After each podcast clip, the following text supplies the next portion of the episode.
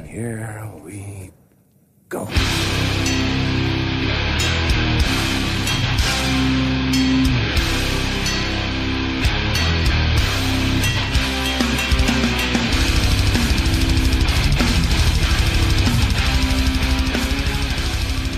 Hej och välkomna till avsnitt 4 av Nere på Noll, en eh, podcast om hardcore som görs i samarbete med NBV i Örebro. Eh, Vi sitter här, jag, Robin Lindblad och med mig som vanligt har jag Daniel Nätterdal och. Daniel Olsson. Hej. Eh, Hur är läget grabbar? Med mig är det fint.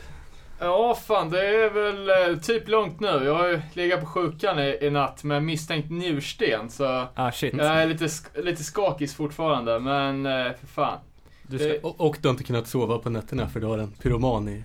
Ja, Grannskapet. för fan, det är mycket nu alltså. Örebro... Ja, det är ju något, eh, något, ursäkta uttrycket, jävla fittnylle som går och eldar hemma hos mig. Eh, så det börjar med att det brändes upp tio bilar eh, runt huset där minsta grabben går på dagis. Och sen gick hen över till att bränna bostadshus och igår tände de på hemma hos mig då, så det känns eh, jävligt osoft helt enkelt. Ja, jävligt obehagligt. Speciellt eftersom vi sågs tidigare i veckan och jag vet att du förväntade dig att han faktiskt skulle komma hem till er och så gjorde han det. Ja, Så nu är han gripen tror jag. ja hoppas Om det är de- rätt hen. Ja, man, eh, man, man litar ju på att polisen verkligen kan sitt jobb och tar rätt person så... Ironi funkar inte så bra i podden. Nej, nej vad fan. Jag Hoppas det... det, det Hoppas de har gjort rätt för en gångs skull. Det är inte, inte så jävla kul när man är ungar och, och skit. Nej, från Rape City till Flame City Hardcore. Eh, yes, eh, förra gången så snackade vi lite om 2000-talet. Vi har ju fått en del fantastiskt eh, sköna kommentarer på, på Facebook-sidan. Ja, jag gillar att så, Skogis redde ut eh, bakverksbegreppen där med Twinkies. Jag hade ju sprungit med osanning och kallat Twinkies för någon typ av chokladkaka, men själva verket så är det ju en fylld eh, sockerkaka. det är bra, det tackar vi, tackar vi Skogis för. Eh, Men man får ju ta det lugnt med Twinkiesarna för sockerchocken gör att man kan begå mord. Så uh, softa med det. Vidare så snackar Björn om den här No Warning eh, Nazi-demon som vi var inne på lite. Eh, han skriver att No Warning spelade in en demo med nazitexter under namnet Final Solution när de var i studion för Ill Blood. Eh, det är väl oklart om det någonsin var meningen att det här skulle läcka ut eh, eller om det Förmodligen. bara skulle vara internt. eh, och det är egentligen studioteknikern som sjunger eh, istället för Ben Cook. Eh, Björn har även bifogat en länk till, till den här skivan men jag vet inte om vi ska sprida den mer än så. Ehm, En annan grej vi måste nämna är ju att vårt skivbolag Dollar Grin har Nu har vi fått upp pre-orders på nya Lowest Creature 7 ja just det. Exakt. Vi, vi behöver pengar och Lewis Creature behöver hype. Så gör, gör den här grejen nu. Och om man köper alla tre får man ett backpatch. Vad är, Catching! vad är adressen till dit man kan preordra? Dollargrin.bigcartell.com Fett. Nog med reklamen, nu kör vi för fan. Yes. eh, utöver att det har hänt i veckan då, vi kanske ska nämna då också att eh, Bitter End kommer släppa nytt. Eh, de annonserar idag här att deras nya LP Illusions of Dominance kommer komma snart. Eh, det var så pass specifika de ville vara. Jag vet inte, är det någonting ni är peppade på eller? Ja, ja, Ja, för sjukt. Eh, Den här var ju... Alltså det var ju skitlänge sedan den förra plattan kom, så... Nej, det ska bli, bli grymt. Ja. Vet du vilka som släpper eller? Nej. Ja, Death, Death Wish släpptes senaste. alright. Ja. Ja, mm. Ja, det risken är väl att de har fått kicken från Death Wish, för jag tror inte att eh, den förra plattan, uh, fan heter den, Guilty as Charge, eh, sålde så bra. Okej. Om man tänker att eh, Climate of Fear finns i typ 11 pressar och Guilty as Charge är kvar på första pressen. Så det verkar inte bli någon superhit. Om någon i Bitter End lyssnar så det är okej, vi, vi kan släppa det. Ja, ja, det är ju jävligt, jävligt bra skiva i alla fall. Ja, nice. Eh, dagens avsnitt då. Eh, vi ska prata om Umeå Hardcore. Eh, en eh, stilbildande scen kan man ju lugnt säga, i alla fall på 90-talet. Eh, och eh, vi kom väl i kontakt med det här ämnet lite av att jag sprang på en filur här i korridorerna vid NBV-huset som eh, sa sig ha varit aktiv i scenen och eh, målade upp den som väldigt spännande och intressant. Så vi tänkte väl att det här kan bli skitkul att gräva oss ner i. Ehm, och vi hittar ju också det här, den här sajten Umeå Hardcore-arkivet. Eh, Ja, tyvärr hittade vi den för jag och David fick reda på det för två dagar sedan. Och det var ju, alltså, typ... Matigt att ta in. Ja, 800 artiklar inskannade och massa musik och live-videos och dokumentärer och skit. Alltså, jag tror så här att vi kan se det här avsnittet som en, en startpunkt för ett ämne som vi kommer kunna återkomma till eh, under hela den här podcastens livstid. För att det finns så mycket material att ta om. Men vi ska i alla fall försöka skrapa lite på, på ytan av det idag. Eh, och vi kan ju börja hur vår egen relation till Umeå Hardcore ser ut. Eh, David, du kanske vill börja? Jag är född i Umeå. Oj, oj, oj. Jag flyttade därifrån när jag var fyra. Så jag, Hur många Refused-spelningar hann du med då? tre, fyra, Ja. hundra. Nej, mer än det är det inte. Jag gillar Refused Abinanda. Ja. That's it. Eh, Jag har tyvärr lite dålig koll. Ja, alltså jag, jag gillar ju... Jag gillar ju de tidigare där. Ja men som du säger, Refused och, och det där när det kommer. Det var ju mer i bristen på annat. Eh, det fanns ju inte så mycket runt där 94, 95 uh, att lyssna på. I alla fall inte av svenskt. Eh, men, ja fan, det är, de har ju producerat en, en hel del bra grejer. mm, verkligen. Uh, vad fan har vi sagt? Abinanda, Final Exit. eh, och de Straight Edges facksamlingarna har ju mycket, mycket bra. Mm, verkligen, och det kommer vi återkomma till lite senare också. Min egen relation med, med Umeå Hardcore är väl också då där We Refused. De var med på Cheap Shots första volymen med Hate, Breed, Hate, Hate Breeds Hate-låten. Eh, jag vet också att jag såg dem på Vox Pop någon gång där i slutet av 90-talet med sin eh, New Noise-video som var ganska stilbildande och, och stack ut ur mängden av pop som sändes på TV. Så att, ehm, ja. Men eh, man kan väl säga att i alla fall jag, jag har inte, jag har inte ägnat en enda tanke åt Umeå Hardcore på de senaste, vad fan kan det bli? Så har vi bara höftat till med 15 åren, men eh, nu på senare tiden så känns det som att det är en av Sveriges bästa scener. Verkligen. Eh, och det var väl, ja, typ det första livstecknet man fick från, från Umeå var ju när den här Lessra-plattan, eh, The Green Menace kom. Mm. Green Rage heter den kanske? Green Rage, ja, Green Menace var ju bolaget där. Uh, Bergfjords bolag. Då Eh, tänkte tänkte man, just det, Umeå, det finns. ja, och det var ju fett med den också att den var ju så jävla fjärran från det man hade förväntat sig det här. Eh, eller liksom det är, där man totalt fejdade ut från Umeå Hardcore när det var bara franska nya vågen-filmer, Mm. svåra Poesi. jävla dikter och sånt jävla pretto liksom. Så kommer Lessra med en jävla totalt jävla o... Ja men inga fingrar emellan, nästan lite truckigt jävla... Det är Boris som har släppt den väl? Ja, ja, ja det är, det. Eh, men alltså eftersom vi inte kan någonting om det här egentligen så har vi fått frågat runt ganska mycket. Och vi har ju snackat med både eh, jag har snackat med, jag känner ju lite folk genom skatescenen i Umeå. Eh, och du Robin har ju varit i kontakt med lite folk på, på mejlen. Ja, precis. Jag har grävt fram lite, lite för, försökt gräva fram lite gamla legender eh, ur eh, olika band som var med på de här straight edge as fuck eh, eh skivorna som kom på Desperate Fight. Eh, så att mer om det här lite senare. Först och främst så tänkte vi att det här ämnet skulle kunna introduceras med en intervju med en person som man lugnt kan säga har koll på scenen. Hallå? Tjena, det var Nere på Noll podcast här. Daniel. David. Och Robin, tja Mark! Tja! Vem har vi äran att tala med? Mark Strömberg heter jag. Från Umeå. Fan vad trevligt. Från fina Umeå. Grymt. Umeå här. Kul att eh, någon svarar. Det är du första som har svarat när vi har ringt i telefon här. Ja, jag vet. Det känns, eh, det känns tråkigt att det var jag nästan. Det är grymt. Jag hade bara velat hålla ut det nu. Eh, ja, och ja, vi, som, som sagt så är det här lite oprövad mark för oss. Det är första gången vi intervjuar någon, det är första gången vi står tre vid en mick, så man får ju ha lite överseende med eventuellt knaster och sådär. Ja. Eh, vi går direkt på action. Eh, dra lite backstory om dig och ditt eh, musik, musicerande, din musikhistoria. Hur jag kom, alltså, jag började, jag hade mitt första eh, punkband när, när jag gick i, i fyran. Och då var, jag kommer som in på hela, om vi ska gå lite saker förväg, eller efterhand så är det, jag kom aldrig in, jag lyssnade aldrig på hårdrock när jag var liten. Jag, usch. alltså jag, jag växte ändå upp också framför MTV, så jag bara satt framför MTV hela dagarna hemma hos morsan när jag var liten.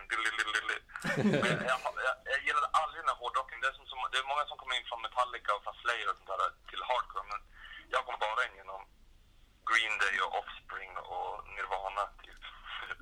Eh, alltså, det fjärde klass under Green Day Offspring. Va, hur, hur, hur gammal är min herre? Jag är född 86.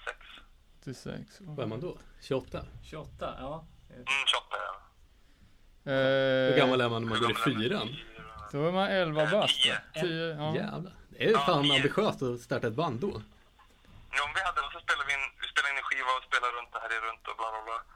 Vad hette Hela ni? fyran, femman, sexan. De var olika. Vad hette ni? Ja, först hette vi Wipe, sen hette vi eh, sen hette vi Novus. Och sen eh, i slutet av sexan, men ja det var så här, ja då hängde vi runt där. Bra, bra, bra. Och så i sexan så började eh, en kille som heter Axel Statin jobba på vår skola som, som någon elevassistent i en klass. Och Axel spelade bas i Separation härifrån Umeå. Och sen, han var också med och startade Kulturblumen, så han, han var med på första sjuan och första EPn tror jag. Men han började i alla fall jobba där och då såg vi direkt att det var någon cool snubbe med eh, rött hår och så här ACAB-tröja som hängde runt på den där mellanstadieskolan. Och börja indoktrinera kidsen. Ja, det var verkligen så. För han tog med tröjor och pins och skivor och grejer och sålde till oss där på skolgården och började snacka om när det var spelningar och sådär. Så han fick som in och mig och massa fler där och började gå på spelningar. Så det var eh, direkt eh, på grund av honom. Som vi Tack vare honom. spelningar. Och det här måste ju varit i piken av när Umeå Hardcore var som störst, eller? Ja, det var nog... Det var inte... Det var inte alltså hate, eh, typ Hate Bridge, Hate Everlasting, Refused. Det var lite senare än det. Men det var ändå alla stora band kom fortfarande. Och Earth Crisis kom till Umeå då i den vevan någon gång också. Vi- vi- Ungefär när var hardcore som störst? Jag skulle säga att det var, det var väl runt, alltså upp till eh, Songs to Fan the Flames of This Content med Refused. Måste väl ändå ha varit störst när det var sådär som att det var, alltså det var ändå som att, när det var som störst så var det som att, ja, det var inte som att folk åkte på någon klubb eller folk åkte på disco eller något sånt där när, folk, när man gick i högstadiet i mellanstadiet, utan alla åkte på hardcore-spelningar istället på alla de här ungdomsgårdarna. För det fanns ju fortfarande ungdomsgårdar runt här på Ålidhem och in i stan. Och, så alla åkte på sånt istället. Det, det var väl så, därför också att det var så sjukt mycket folk. Alla var så jävla unga. och så, också därför som alla försvann ganska snabbt sen när folk var äldre. Men det verkar som att det var som det som var som trenden då. Alla åkte på HC-spelningar, ingen brydde sig. Det var lite det intrycket man fick här nere i Sverige också. Ja, jag kan tänka mig det. Alltså det var ju då alla hade page. Ja, ja man ser ju Det dem. kommer igen nu. På tal om 90-talstrender, så mycket 90-talstrender som kommer tillbaka nu. Alltså både i populärkultur och, och annars också. Men Parsen har aldrig gjort comeback. Någon måste vara först. Ja, vad fan, det börjar bli lite så här långt hår under kepsen. Det börjar, det börjar ju folk ha, så det kommer ju Kommer säkert utvecklas till en fin mittbenepage där. Ja, alltså en riktig gardinsvajande page måste det vara. Man får inte ha krulligt hår, det måste vara om tjockt hår och rakt. Helvete. Ja, i alla fall. I alla fall. Så, så vi i alla fall började gå på spelningar då och, och så startade vi ett band som jag och eh, Erik Hurst som sjöng i Forever Young. Han, Erik Hurst och en massa andra eh, hade haft ett band tidigare och då hoppade jag in i deras band och så hette vi 61 Minute Void. Så då spelade jag trummor med dem från, från jag gick i 6 7 upp till gymnasiet så höll vi på att spela. Vi spelade aldrig nere i söder utan vi spelade bara här uppe i norr. Alltså, typ Umeå, Skellefteå, Boden, Luleå. Åkte över till Finland och spelade och spelade i Norge uppe i Bodö. Och spelade med Locust och D13 och massa här uppe i, i Umeå också. Okej. Och på den tiden hade till och med Norge en hardcore-scen alltså? Ja, då hade de Bodö Hardcore Festival. Då spelade vi med, eh, vi spelade med Sunflower Kids som sen vart Purified in Blood. Okej. Och, Vad hette de sa och du? eh, Sunflower Kids. Jävlar vilken vändning. Ja, verkligen. Men de måste ha varit i samma ålder som er då? Jo, de var svinsmå. Det var det. Ja, han är li- ja, Hallgren och några av dem är ju lika gamla som mig tror jag. Så det- det var någon av dem som hade också hade, jag vet inte vem det var som hade det, jag tror att det är övertatuerat nu, men någon som hade vegan på underarmen tatuerat i, i gurkor. nice. Ja, det var synd att den inte var kvar. Ja. Och Spect- The Spectacle spelade där uppe också då, J.R. Ewing och Kaospiloten och så, ja. Massa sådana. Men så är det bra, bra, bra, det spelade vi... Äh, ska jag sluta där förresten? Nu, det här var som bara början nu. Ja. Ja, nej, men vi har ju gått in på en, en hel del andra ämnen här också. Men det vi funderar på lite var väl också om det fanns några andra svenska, ej Umeå-band som var stora under den här eh, Umeå Hardcore-eran liksom. Med Refused och så. Ja. Eh, som Alltså du... då här uppe, då var det som att det fanns så mycket Umeåband tänker jag. Så att det, jag kommer inte ihåg att det kom upp så jävla mycket band från södern just då. För då fanns ju alla de här, alla Desperate Fight-banden fanns och... Oj, nu råkade jag riva ner ett renhorn. Day in the life, Fight-band- norrlänning. Ja. jo men alla Desperate Fight-banden fanns ju, så fanns ju Breach uppe från Luleå och Raised Fist. Jag vet inte om var här och spelade i för så mycket. Jag tror de och spelade en gång. Ja, de är inte kända för att spela ute så ofta. Nej, det är inte. Fireside spelade väl här också någon gång. men- Ja, vi nämnde det där. Fireside, vad fan är de? Är de från Piteå eller? Piteå och Luleå tror jag. Okej. Någon split båda. De är, jag älskar dem fortfarande. De var ändå så, de var ändå så jävla tidiga med hela den här postrock-grejen. Det var som att de spelade tidigare än alla andra. Att de spelade som hard, eller musiken var som hardcore fast sången var att han som rensjöng. Det var coolt. Men eh, det var, eh, i alla fall, var det, som, det var, jag tänker att det var mycket, mycket Umeåband och så kom de amerikanska banden upp då och då. Men då var det fortfarande som Umeåband som frontade innan. Så att, typ när Earth Crisis kom spelade eh, Refused innan och så Alltså Strife var ju här och Shelter och 108 spelade Snapcase. Earth Crisis spelade två gånger. Turmoil spelade här också med Earth Crisis. Just det. Vad var det för stora festivaler som var aktuella på den här tiden? Eller var det festivaler? Nej, det var ingen festival, men det kom en festival sen eh, som hette Punkfest. Det var lite senare. Kort och Tydligt. Ja, Där fan jag varit och spelat med mitt gamla band en gång. ja på vilken av dem? 99 kanske? Punkfest 5 tror jag. Punkfest 5. Då var det nere på var det? Ja, det låter rätt bekant. Nere vid, nere vid vatten, eller vid vattnet. Ja, jag tror det. Men de de tidigare då, då hade... Vilka spelade då? Då var det massa, i alla fall Forcing 2 spelade här då också, Intensity. Undrar om Briscoe spelade, och det var senare i och för sig. Men Forcing 2, Intensity, Get Up and Goer spelade här någon gång. Hive spelade också på den and- Punkfest 2 tror jag. Shit. Var Hur, hur många fanns det? Då hade de, eh, punkfest, jag tror det fanns upp till kanske Punkfest 6, men Punkfest 2 och 3 var de största. För då, det var fortfarande på Galaxen, den här gamla spellokalen här där alla stora band spelade. Den la igen sen efter ett tag. Eh, så då drog alla därifrån. Man, det är, nu idag så är det en friskola som heter Tor- Torén Business School. Vilken jävla skymf. Tourettes. Ja, det är en skymf. Eh, ja, fan, för, för att hålla, hålla tempot uppe här. Eh, Ja. gå vidare på nästa fråga. Eh, Alltså- Hoppa till nutid. ja, nej men eh, jag tänker på eh, den norrländska lokalpatriotismen. Typ som Ja. att alla släpp med Final Exit. West, Teg, Demon och Teg, första CDn Umeå och sen eh, den egentliga Västerbotten och ni har väl också en platta som heter Västerbotten? Ja. Håll. Jag Håll det äkta. Uh, och har jag sett eh, typ, eh, ja men, men renhorn här och där. Uh, hur, vad, hur, vad, vad tänker du om det? Jag, kanske bara, jag tror att det bara kanske, det började nog som ett skämt att man skulle representera Umeå på samma sätt som man gör med, som folk gör i New York och Los Angeles. Och, att det är som så jävla stort fast det är bara lilla skit-Umeå typ. tror jag. Men sen har det ändå blivit, det finns ju många saker som är så roliga ändå. Om man, om man gillar natur och sånt, då är det ju roligare att vara här än att vara i Stockholm. Där är jag stolt över renhorn och där är vi stolt över hjortron och fjäll och att det finns lite space. Så det, finns, det finns ju många saker på vad... Och vad fast det, kanske kommer nog, det kommer nog mer när man är vuxen hur som helst, när man börjar bli så här trygg och, och börjar vilja representera saker på riktigt och börjar känna sig så här eh, nöjd som man inte ska göra.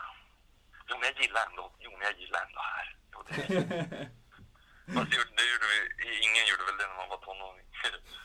Ja, det går ju lite, lite stick i stäv med hela, hela mindsetet man har när man växer upp. Ja. Det blir också ironiskt, det är ändå vi, vi och, och alla de så här riktiga stora institutionerna och så turistföretagen och sånt där använder ju ändå samma symboler. Hjortrongranaten. Ja, ja, men, eller nej, men hjortron och typ renar och fjäll och sånt där.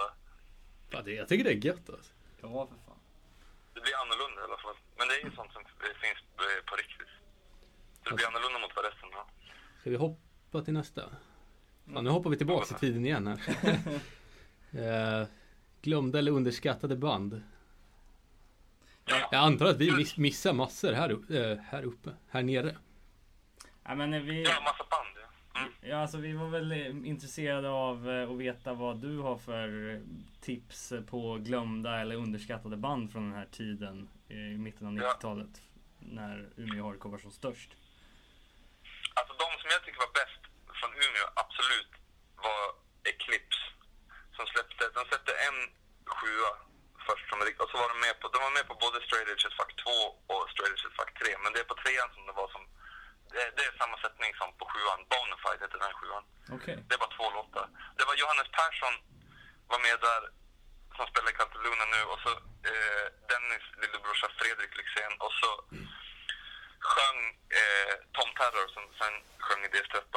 Men det är så jävla rått Eclipse fortfarande. Det är så satans bra. Det är, uh, Sveriges bästa hardcoreband. Men det, det är alltså en skiva som har, åld- eller en sjua som har åldrats väldigt väl kan jag tänka mig. Ja, alltså det skulle kunna komma ett band som lät som nu, det skulle fortfarande hur hit som helst. Det är som att de, de har blandat i den här, alltså metal, metallisk HC utan att det är, utan att det är så hårdrock. Utan det är, som, det är fortfarande så jävla rått fast de spelar som lite, eller så här typ black metal. De låter som Acme. Det låter som en blandning mellan Acme och Unbroken, så. Älskar de där, de tre, Bonafide och så From Ashes och så Receiver från Strange Fuck 3. Det är de tre bästa låtarna som någonsin, svenska hardcore-låtarna. Vi kanske ska spela dem sist i det här avsnittet. Ja, det borde vi faktiskt göra. Spela någon av dem i alla fall. Jävlar, spela Receiver vet jag. Ja, eh, skitsamma då. Men och så eh, Bloodpath som kom härifrån också. De släppte ett kassettdemo och så släppte de en split med Forced in 2. Vad, tyck, vad tycker du om omslaget för den splitten? Eh, Du som är ändå ge, ja, så här lite artistiskt sinnad. Jag- Jag skulle vilja säga att det kanske är ett av de fulaste omslagen ever. Ja, och- men det är ju typ stormslag. Och för er som inte har den framför sig eller har sett den så är det ju alltså eh, Det är ju ett lit, ett eh, ryskt frimärke i frimärkesstorlek på en enfärgad bakgrund på båda sidorna. Mm. Så det är, ja. in, inlay-pappret är ju skitpunkigt. Det har de fått göra som de vill. För att designen har inte hållit i eh, linjen hela vägen. Det tycker jag är dåligt. Det skulle han ha hållit på, på inlay-pappret också. Eh, Men den Bloodpath, alltså uh, Forced Into var ju det bandet man köpte skivan för, men Bloodpath är ju, den låten, eller speciellt det här jävla industriintrot med borrmaskinerna, det är så jävla rått Ja. alltså. Ja, och någon som går och sparkar på såna här stora eh, lastvagnar, låter det som. Ja, Och technon. Det är Jon Brännström fråm Refused som har gjort de mellangrejerna ju. alright. Ja, det är fett, Ja, fett som fan. Proggade. Nej, De två låtarna är så jävla hårda. Och så Song for Steve som är på Strays Fuck 3. Så hade de några till låtar som är med på någon norrländsk samling som heter Alternative Heroes. Jag vet inte vad som är med mer. Ja, Okej. det är de som är två bäst i alla fall. Men de har ändå hållit så jävla bra. Så de, men de är som inte okända heller. Donuts är också fett stora. Alltså runt hela världen. Men, men jag, vet, inte hur ofta man snackar om dem. Men ändå coolt så här, att det är helt band med bara tjejer som var ute. Och fan, de har ändå signat på Victory och allt. Just Det glömmer man bort ibland. Ja. Efter den här stora, alltså att hardcore var liksom den, ja, det var liksom det som, inte en subkultur utan var nästan en hu- huvudgrejen som ungdomar Ja. sysslar med. Eh, Ja. när började det liksom mattas av? Eller var det i och med någon speciell händelse eller? Mm, Jag kom, om, man, man, om man säger att man delar upp det i tre olika eror, kan man kanske säga. Att man, att, om första som stora eran är när Refused alla var stora som Desperate Fight-eran, då fanns det ändå massa band innan också, Step Forward, The Garbage Pail Kids, massa sådana. Men det var, om man säger på 90-talet, då var det som stora pop-eran. Då var det som hardcore pop, då var det verkligen alla var där. Så eh, sen splittrades ju Refused. När la de ner då? När de släppte hela manifestet och allting. När de, när de sa att man skulle bränna allt som de hade. Ja, var det 90, 97 eller 98? 97 tror jag också. Ja. Då. Efter det så kom det som en annan era med massa andra band. Det var då DS13 kom upp också och vart skitstora. Separation fanns ett tag efter det också. Det fanns ju massa fler band då, ändå också. Men det, om man säger att det var som den andra eran. Då var det också lite mindre för då stängde Galaxen i typ samma veva någon gång. Och alla spelningar började vara nere på Hamnmagasinet. Eller de flesta. Eh, som var mycket sämre lokal. Usch. Men det var ju ändå ganska, alltså det var ju, om man tänker eh, våra mått mätt, alltså det är ju ändå ett jävligt, en jävligt stor lokal, jag måste säga att det, det måste ju vara lika stor som, alltså eh, skylten till exempel i Linköping som var Ja, liksom det s- mellansveriges motsvarighet. Um, nej, s- som Hamnmagasinet skulle jag kunna tänka mig. Ja, det är det. Jag har faktiskt i storlek. Det är det som är så störande om det var för att folk hade så jävla lätt att, att backa bak mot väggarna. Men det var jävligt, punktfesterna var ju några år också. D13 hade sin sista spelning där och då var det så jävla mycket folk där. Det finns ju en massa videos från det. Folk hade också en hela Europa för att komma upp och se det där. Det- var helt sjukt mycket. Och så är det någon balkong där också, folk härjar runt. Men om man säger att det är som andra era. Band, massa band spelade där och la la la la la och så kom det upp. Eh, där, eh, den definitiva slutet på den eran kommer jag också jävla väl. För det är symboliseras av två Good Clean Fun-spelningar. De var uppe och spelade ett år. Två, år 2000 tror jag att det var de var uppe första gången. Och då spelade de med den nya in- inkarnationen av Eclipse. Som var, de släppte en tia som heter Jehovah Congress. Som var, nu var de en massa nya medlemmar. Eh, då spelade de och så spelade Good Clean Fun. Och det var världens fetaste spelningar. Typ, av någon anledning så hade alla klätt ut sig också till olika djur och så hade masker och grejer. Så alla här är runt med det där. Och, och det var så jävla bra och folk kunde ut och bada i älven efteråt mitt, mitt i natten. Så här, hur jävla fet spelning som helst. De var så jävla äggade. Åh, de måste komma tillbaka. Och så kom de tillbaka nästa år. Ett år senare bara, 2001. Och då var det typ ingen där. Det var ingen på spelningen. Det var, alltså, det var typ exakt samma tidpunkt och allting. Det var som samma förutsättningar. Bara, vi tänkte bara, satan det kommer till jävla fet spelning. Kommer dit, ingen är där. Det är, kanske, undrar hur mycket folk det var där. 40 pers. Alltså ingen. Men det, det, det tror jag, beror på det? det tror jag inte var Umeås fel, det måste ju vara det Good Clean Fun att de gjorde en så jävla dålig skiva. Från den, vad- jag kommer inte ihåg, om det är Shopping for a Crew som är, som är, Shopping for Crew kom först, men, men eh, vad heter det? Straight Outta Hardcore hade hunnit komma första gången. Asså, där. okej. Ja, de sålde den då. Så hade de, undrar om de hade kunnat släppa den andra.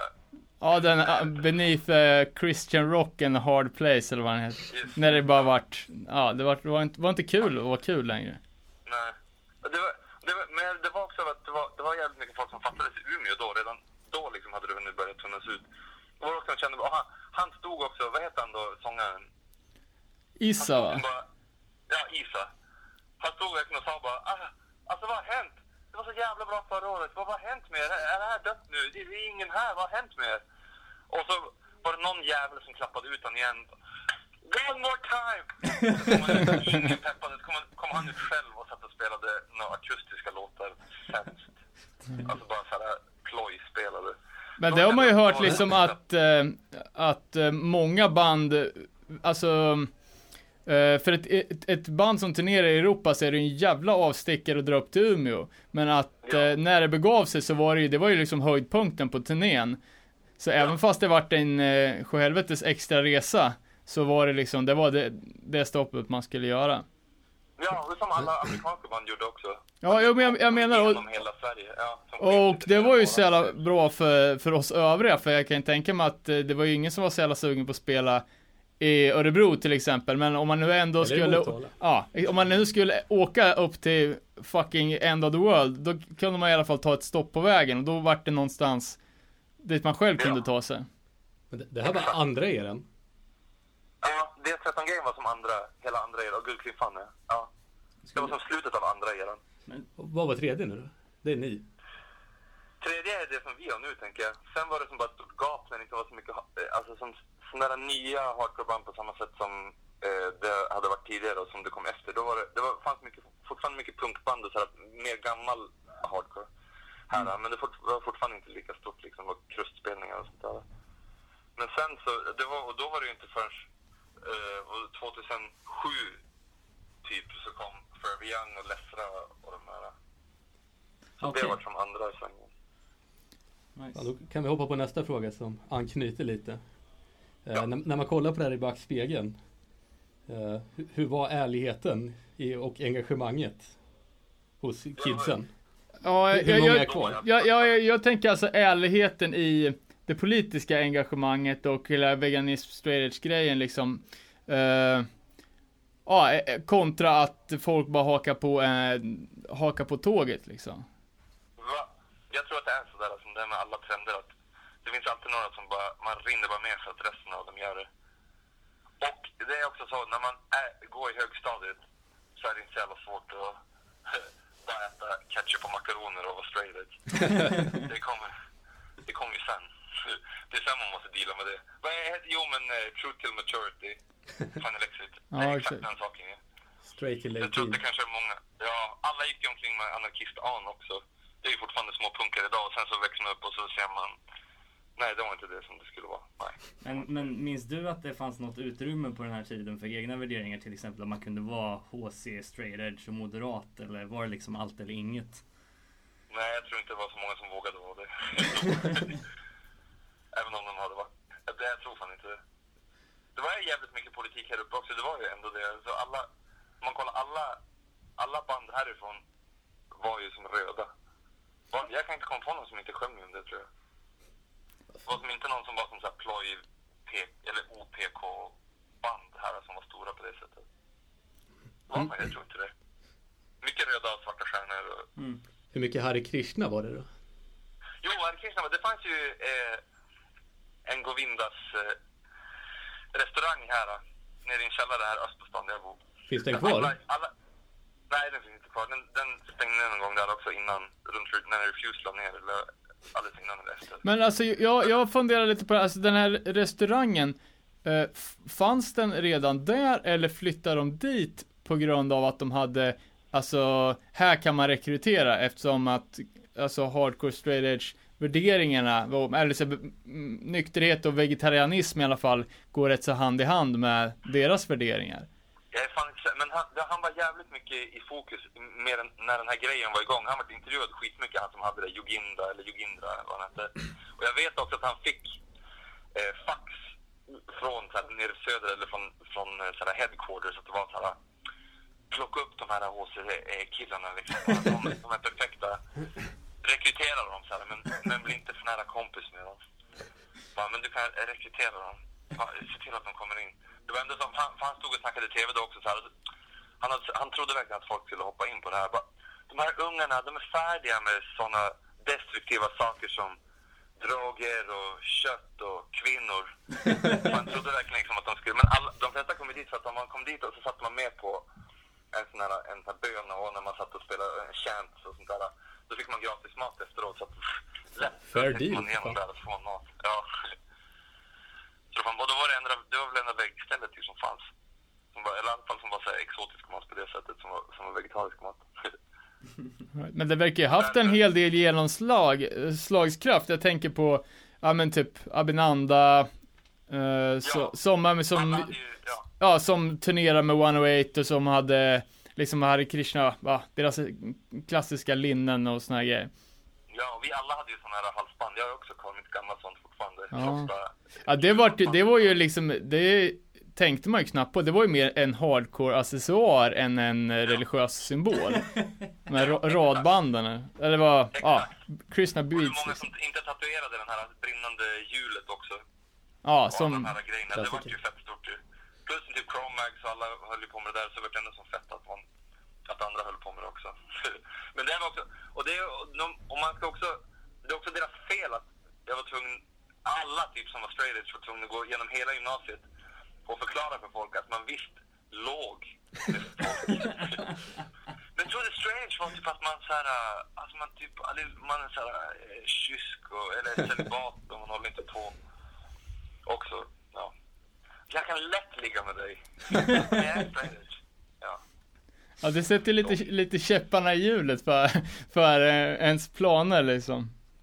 Ja, exakt. Och plus också, att då var, ju- då var ju det både Krishna och ett reportage som var i Veckorevyn som handlade om de här satans mormonerna som också härjar runt i Salt Lake City. Det var ju deras fel också. ja. Eh, vad fan, ja, apropå det. Jag, jag funderar på det här, eh, något sammanhang här. Eh, band från Salt Lake City, alltså det är, staden i sig är så jävla förknippat med, ja men med straight edge och eh, den lite mer militanta varianten. Men jag, jag kan fan inte komma på ett enda band. Men det kom Pray for Cleansing kom ju därifrån. Kom inte alla Shockwave och, och X-Disciple XAD därifrån också? De är från Erie. P- Pennsylvania. Jaha, är, jag trodde de var där nerifrån. Jag trodde de var hela det, och Dodging Bullets och de som blev Jesus Wept efteråt. Ja, de är från, de är från Sacramento, men det är ju den här religi- religiösa kopplingen. Ja. Facetime ifrån? Ja, det är från, det är från. Sacramento, men det är ju i Kalifornien. Jag vet att in, Insight är väl från Salt Lake City som är extremt eh, bra för typ 89. Eh, Jag men, tänkte på, jag vet det, Pray for Cleansing kommer därifrån också. För han var med i det reportaget kommer jag ihåg. I ja de eh, är första gången jag hör bandnamnet. Fan, det är synd att det är live, det kan vi inte googla. Nej, precis. Ingen googling. Eh, Eh, men, Ja men fan vi, vi, Form, formrakad eh, eh, käklinjeskägg. Som det är inte ett bra band. Nej. Eh, om man ska gå tillbaka till de här Umeå-banden då. Eh, om man pratar om Refused och Abinanda som var lite fanbärare i början. Eh, DS13 tog ju över, men vilka tog över efter DS13 som någon slags flaggskepp? Ja, men det var ju vi då, då var det bara helt svart några år. Ja, just det. Precis. Det hände som inget mer då som så var som sådär stort i alla fall. Nej. Det var som att alla följde som det bandet. Hur mycket gjorde den här grejen att Refused bashade hardcore så jävla hårt ett tag? Ja, men nu när vi gick ut, alltså jag fattar vad man blir less på sin egen lilla klick så här, och så vill man göra någonting annat efter ett tag. Så gick de ut med det stora manifestet och så vart det ju som något annat. Alltså alla gick ju från att ha partial long sleeves då till att ha eh, som svart pottfrilla och eh, pullovers och så tajta eh, kostymbyxor. Och dricka rödvin. dricka rödvin efter ett tag. Det var ju som i slutet på Refused-eran och sen så... Men, ja, men typ Saturday Wars var också som så. De var också tidigare med det som var som sådär hi- hippa. Så det var ju som något annat. Och det, det sen så kommer ingenting och så sen så vips så vart det det här som det är nu. Men nu alla de här punkbanden och sånt som höll på under tiden finns ju fortfarande nu när, när vi spelar också. Alltså, eh, eller inte, ja men Regulations fanns ju då och Epileptic Terror Attack och Vicious och massa sådana här punkband. Just det. Vicious vart ju masshysteri sen också. Just det. Eller delar från det. Så det var väl det. Nu- Nu är det ju alltså Hållläkta och Lessra och Kidnapped och massa av dem som kommer som är som hardcore. Just det. Och nu, det är väl nu till helgen va, som ni kör Umeå Hardcore Fest? Ja, nu 090 HC Fest heter det, eller Just Hardcore Fest heter den. Kom, det kommer något av dina band spela? Nej, ingen av dem. För att Robert som spelar trummor i både Lessra och Hållläkta bröt armen när han skejtade i somras. Ah! Ska man ställa in en spelning så är det här anledningen. Ja. Det det, alltså, det, det eller fängelse, det är de enda och godkända. Men eh, vad, vad, är, vad är på gång då med, med Umeå-banden under hösten? Är, är det på gång några nya releaser eller hur ser det ut? Jo. Eh, Lessra och ett nytt band som heter Erased ska släppa.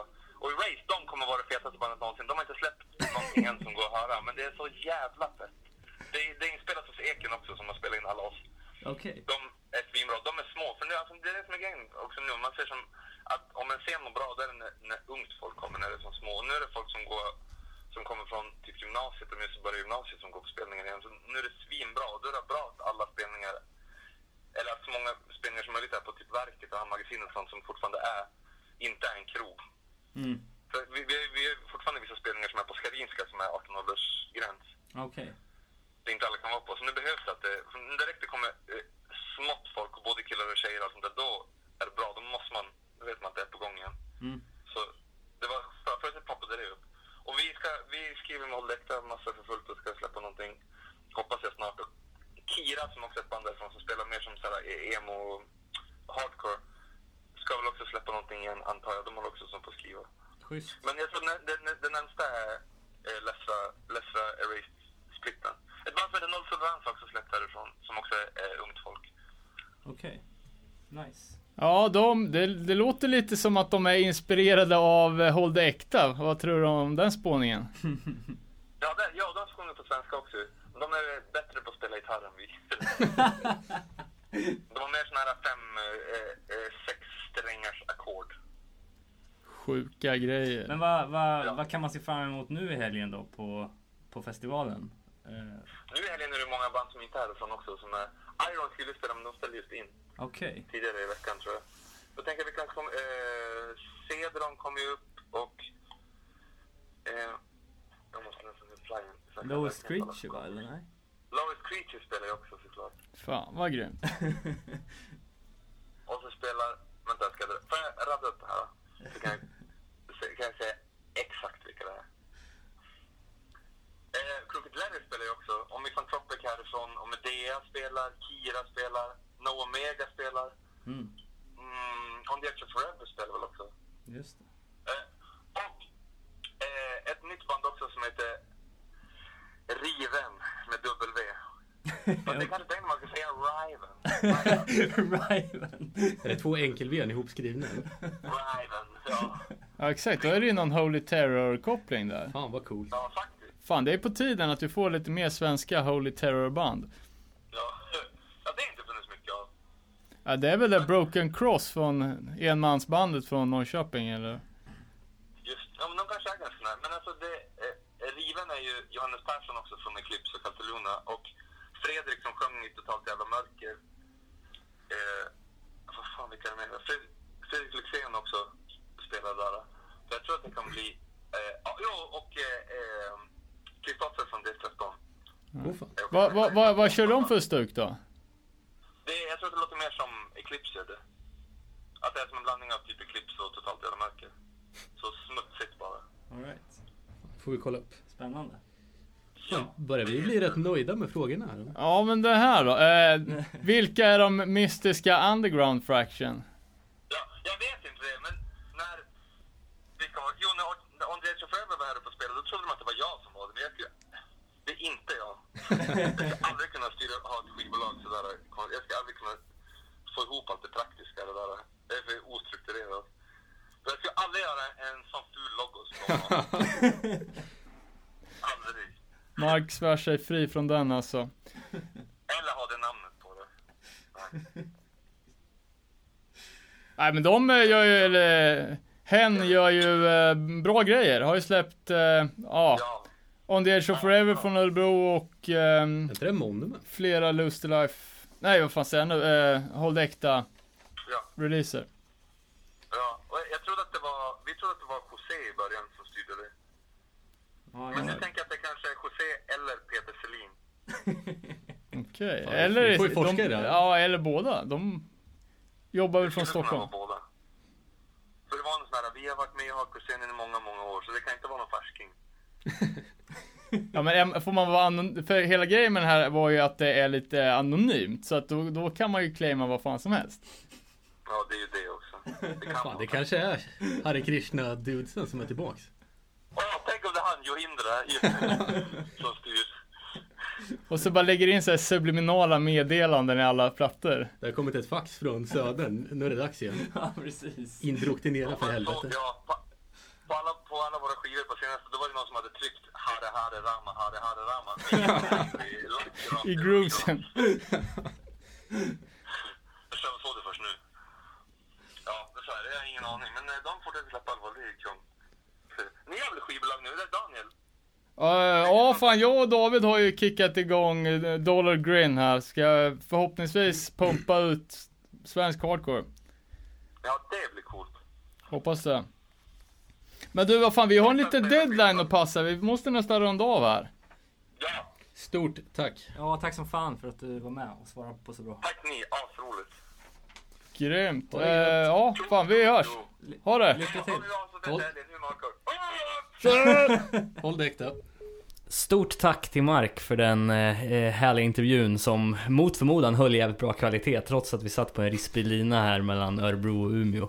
Eh, vi kommer utgå från de grejer som vi snackade med Mark om här när vi pratar om Umeå och dess hardcore-scen. Och för att eh, börja from the top egentligen så eh, Dan, du har någonting att säga om eh, the hardcore capital of the world, Umeå.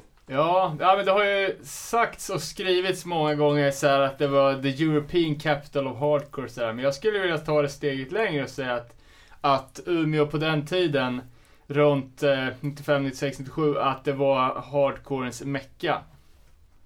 Eh, och jag baserar det på lite forskning som jag har gjort här i veckan då, genom att eh, lyssna på Victory Style 2. Och det är ju eh, eller så här, eh, en samlingsskiva från det då absolut ledande hardcore-bolaget Victory. Jävlar vad coolt det var. Eh, ja, det har ju alltså, de första hundra releaserna på Victory är ju svinbra. De nästkommande hundra är katastrof. Ja, det är snarare så att de nästkommande hundra är varannan bra. Men sen har de ju släppt typ, utan överdrift, 800 släppt till. Som alla är totalt värdelösa. Vilka- förutom att de smyger in en ringworm och en all out war var tionde år. För att de har kontrakt och måste släppa skivor. Ja.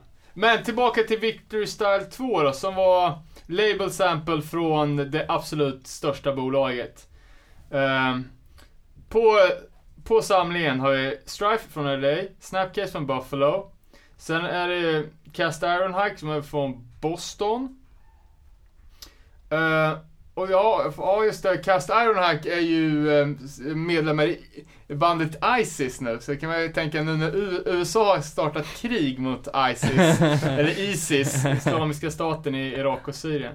Eh, kan bli svettigt för dem att glida runt och sälja sina...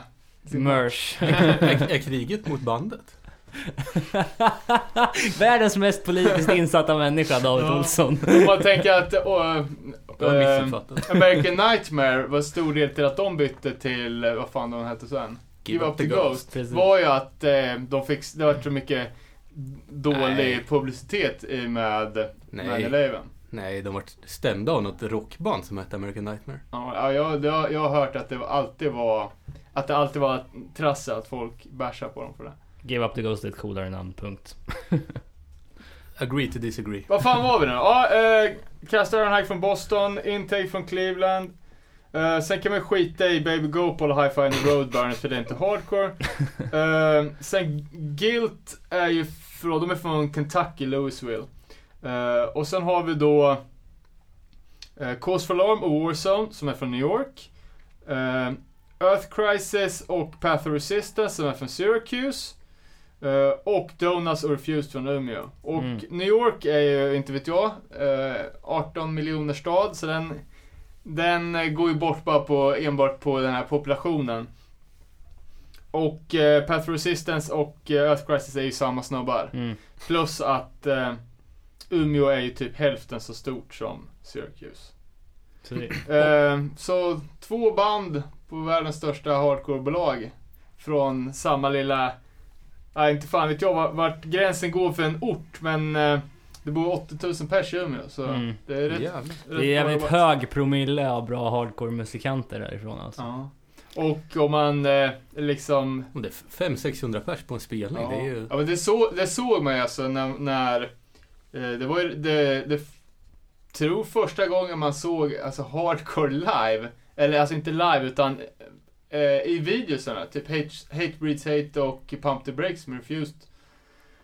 Eh, att det var så in i helvete mycket folk. Mm.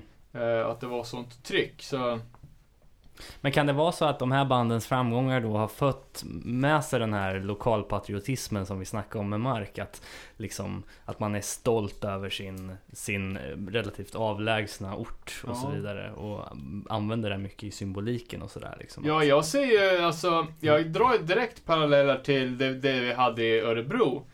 Eh, I och med att under en, jag kan ju tänka mig att det var rätt så mycket kortare period, men att hardcore, eller i alla fall skatepunken var Mm, den största ungdomskulturen under ett tag. mm, Eh, jag kommer ihåg tidiga spelningar där, kanske 95 eller något sånt där i Örebro, när det var 750 pers på gigs. mm. Eh, och, och sådär. Och, och, och om man bara får flika in det lite snabbt med att om man ska föra fram det här i en modern kontext, alltså till nutid, så känns det som att det kortet ligger hos Malmö just nu med tanke på om man hör vad som var i helgen när det var Malmö Hardcore Festival och de sålde slut alla biljetter på en dag liksom. Ja. Men Eh, jag, ja, just det här med lokalpatriotismen att eh, Malmö, de håller ju på att snacka om sitt crime city. Mm. Att det, är, det är liksom inte, ja det är ju en påhittad stad. Det är som att eh, Indecision kommer från Gotham City Mm, liksom. mm. Men eh, här i Örebro så, vad fan, vi säger ju Örebro Hardcore i varenda jävla låt vi någonsin har skrivit. Flame City säger vi nu. Och, eh, ja men ta som liksom Millencolin då har Pennybridge Pioneers Mm, och... Vad är för dåliga loggor? Det är det. Vi har ju asmycket bra Jag vet inte, jag känner direkt, eh, direkt eh, den kopplingen att att eh, Umeå hade, hade sin grej i med Refused som var så jäkla stora och vi hade en, en parallell grej med Millencolin under deras glansdagar liksom när, Mm. när det var svinstort. Mm. Eh, och att båda, båda städernas kultur kommer skatescenen. Mm. Och, bo, och det är också kul att höra att, eh, som Mark snackade om den här tredje vågen med det som sker nu i Umeå. Det var ju lite så i början av 2010 där också i Örebro att Chain Reaction kom upp, Hårda Bud kom upp. Det var väldigt mycket Örebro-symbolik där med liksom.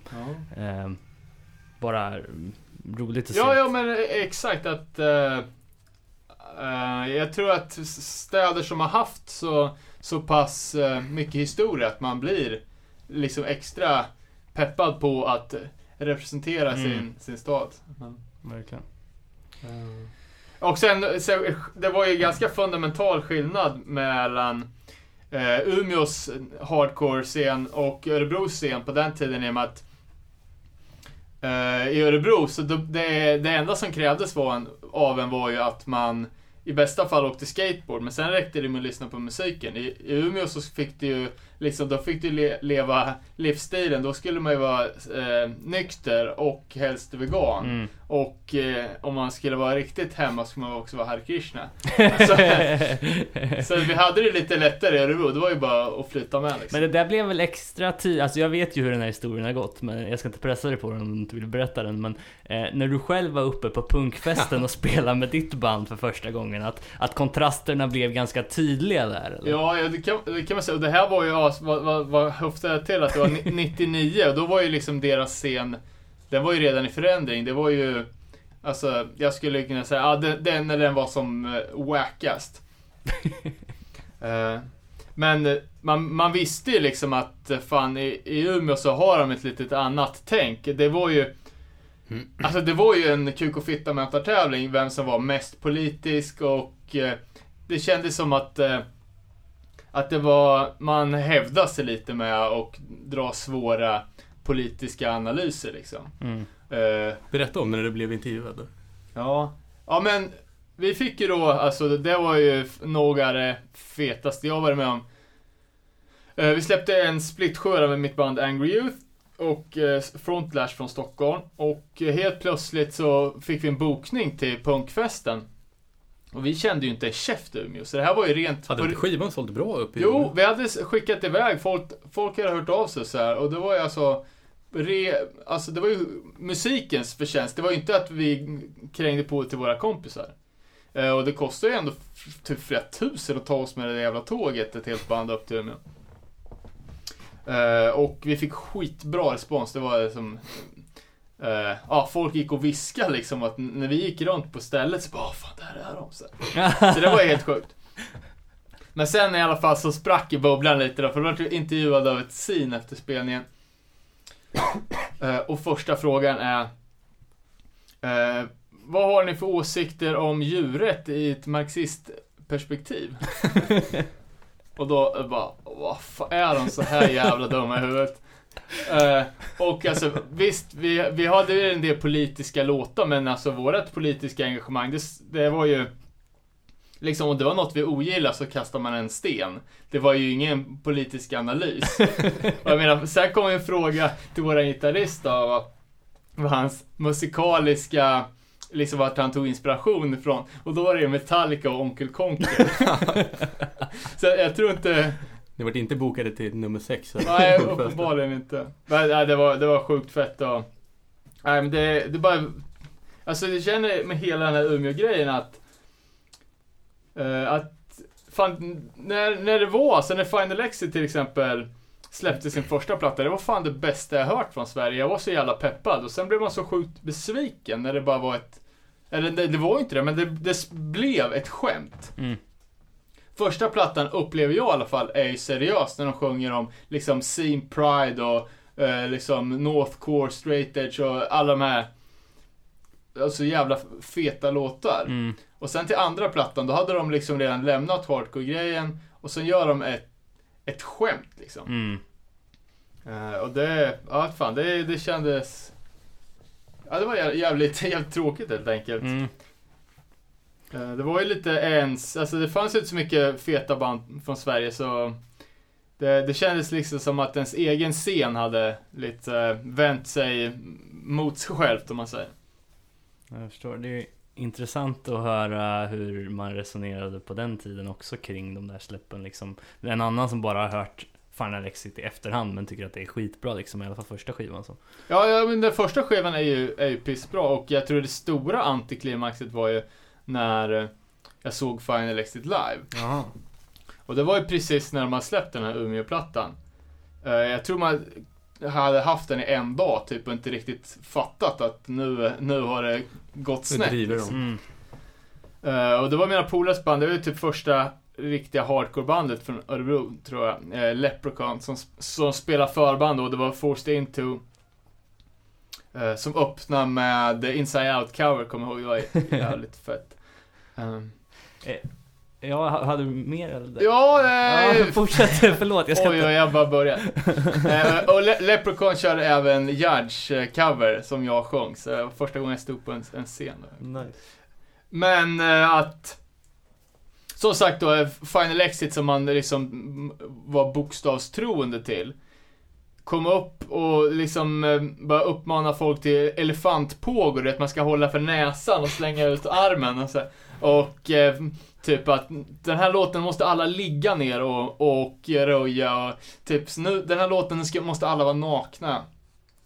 Och sen bara körde de den här, de har ju den här Maj Wirsén, Gonna kick your fucking ass. Körde de den typ med bara sång, med bara gitarr, med bara trummor. Alltså det var bara ett jävla skämt. Ja, verkligen. Det låter... Och sen efteråt så i, i den här logen då som vi delade. Så var, ja men då, det här jävla föraktet liksom att de bara typ fnös åt alltihopa bara, ja en, en jävla skitpunkspelning avklarad ska bli så jävla Mm. gött att göra något riktigt. Och det riktiga blev att de försvann ifrån musiken helt och hållet eller? Ja, de kör väl på med sina nuvarande grejer. Ja. Ja, Jag vet inte vad de spelar i för band idag men Det känns ju inte som att, ja. Nej, David Sandström har ju Ja. Overdrive-historien. okej, ja, ja. Han har ju, kan man säga, han- det är han som har gått kanske längst ifrån scenen. Mm. Alltså vi, vi kollar ju på den här dokumentären. Tillflykt. Rekommenderar alla att titta på. Ja, det är ta mig fan helt sjukt. det är jag, jag, värt... hur, hur mycket såg ni? Jag såg hela. Jag såg halva första delen av sex, kan jag säga. Men det var Det så mycket, jävla jag säga. tråkigt. Och, men i och för sig, det var ju värt det, för första shotet så ser han ut som en jävla hob liksom. Ja, det är, Han spelar ju Integrity i mitten. Ja, det var ju bra. Fast var det ett skämt när han låtsades rocka med? Ja, jag vet inte fan. Ja, men det, det är ju... Och en jävligt fet Metallica-tröja Ja, då hade jag del stängt av. 6. Men han, han eh, bohemar ju ur duktigt. Alltså, flyttar ut till någon jävla stuga ute i skogen och bara koncentrerar sig på vad hans eh, morfar och mormor har, har gjort. Mm. Och Eh, den där, vad hette hon? Hon som skrev dikter, Ja, som hon mm, läste upp hela precis. tiden. Någon supersvår jävla norrländsk poet och sen någon fotograf som har fotat, fotat eh, bönder i Mm. olika vardagliga miljöer.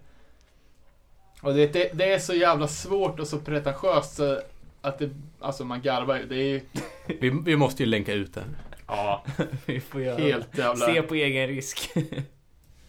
stolleprov alltså. Ska vi stanna kvar lite på honom?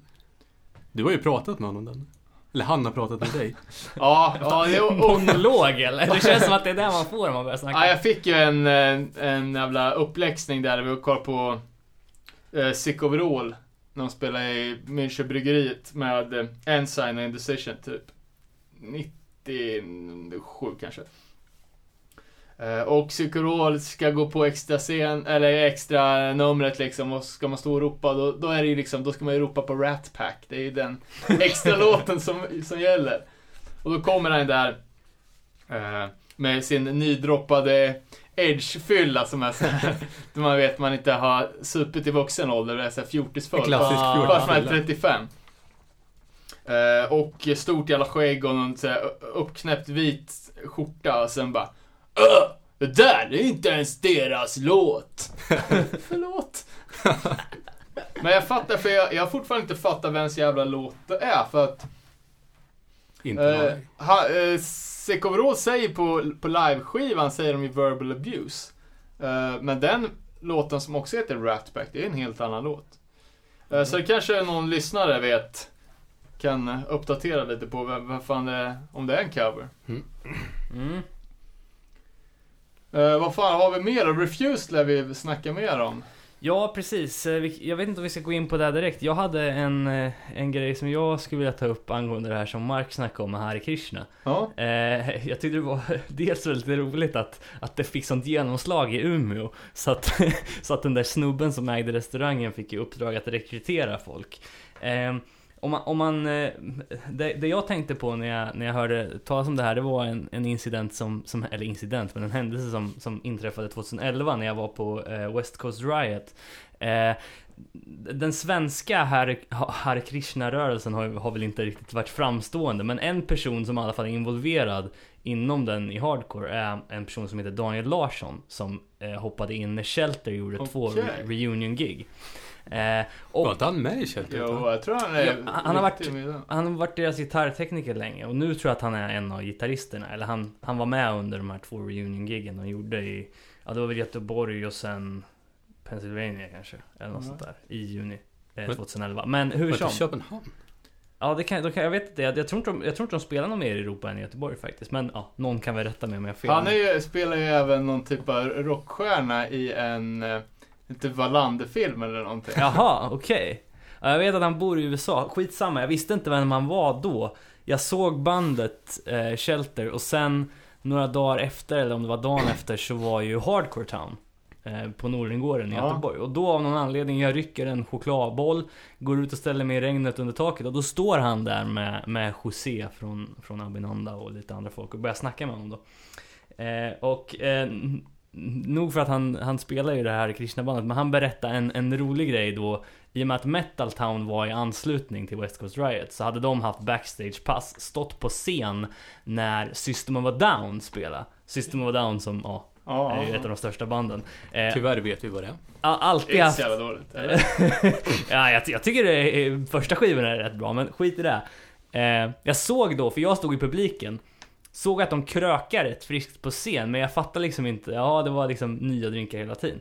Då visade det sig att han har stått på scen och varje gitarrist har haft en egen bartender som har stått och shakat jävlar. liksom under, eh, under mellan varje låt liksom. Så han har gått och tagit en och gått ut och kört liksom deras Fan, då har man lyckats. Ja, verkligen.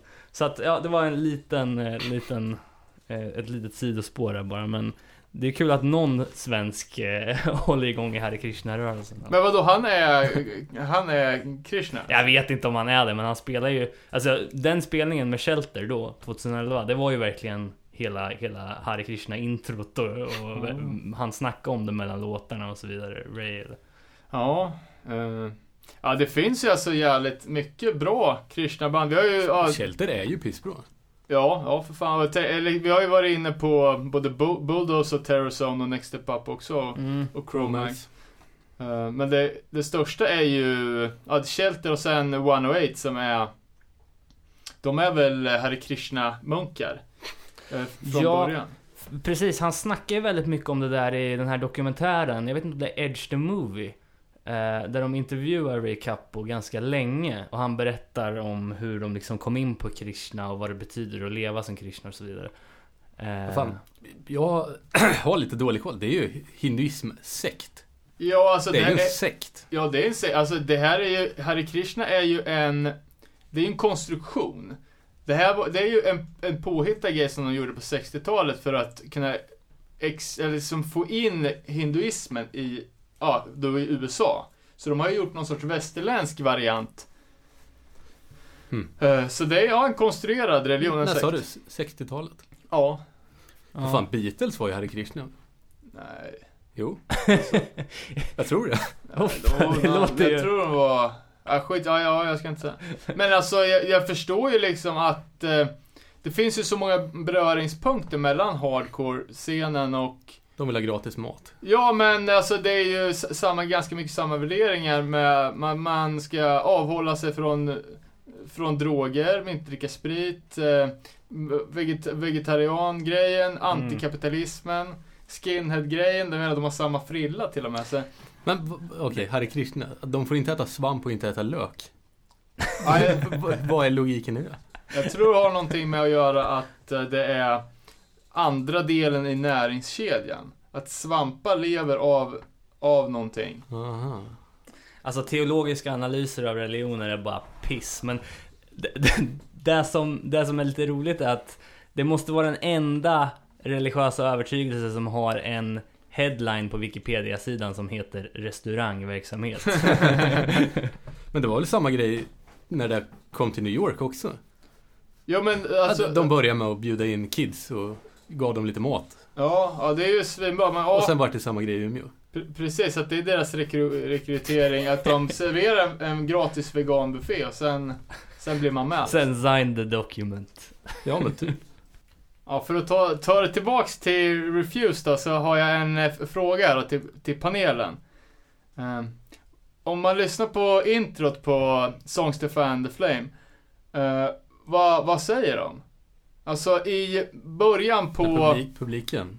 I början på Rather Be Dead så säger de hylla, hylla, hylla brödrostar. Spola upp det får vi se. Vad tycker ni?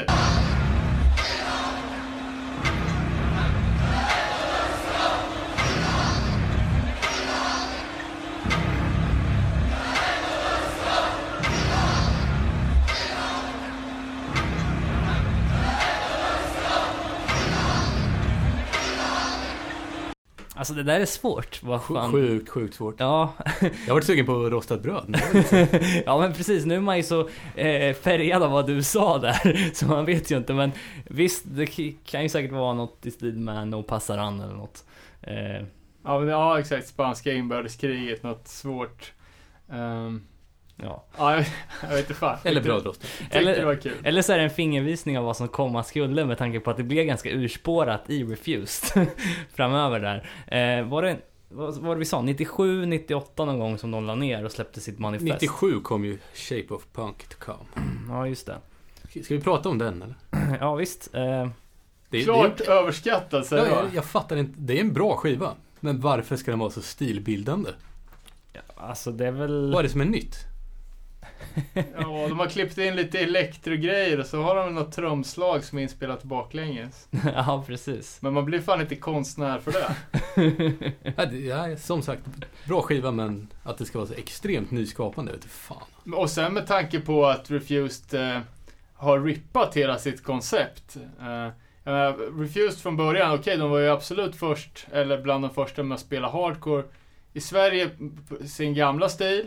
Eh, så det kan man ju säga att de har upp, uppfunnit igen liksom. Eh, och sen det här med Shape of Punk to Come-grejen så är ju direkt rippat från andra, ja men typ de DC eh, post-hardcore-banden. Eh, typ Nation of Ulysses. Mm, Heter det så? mm.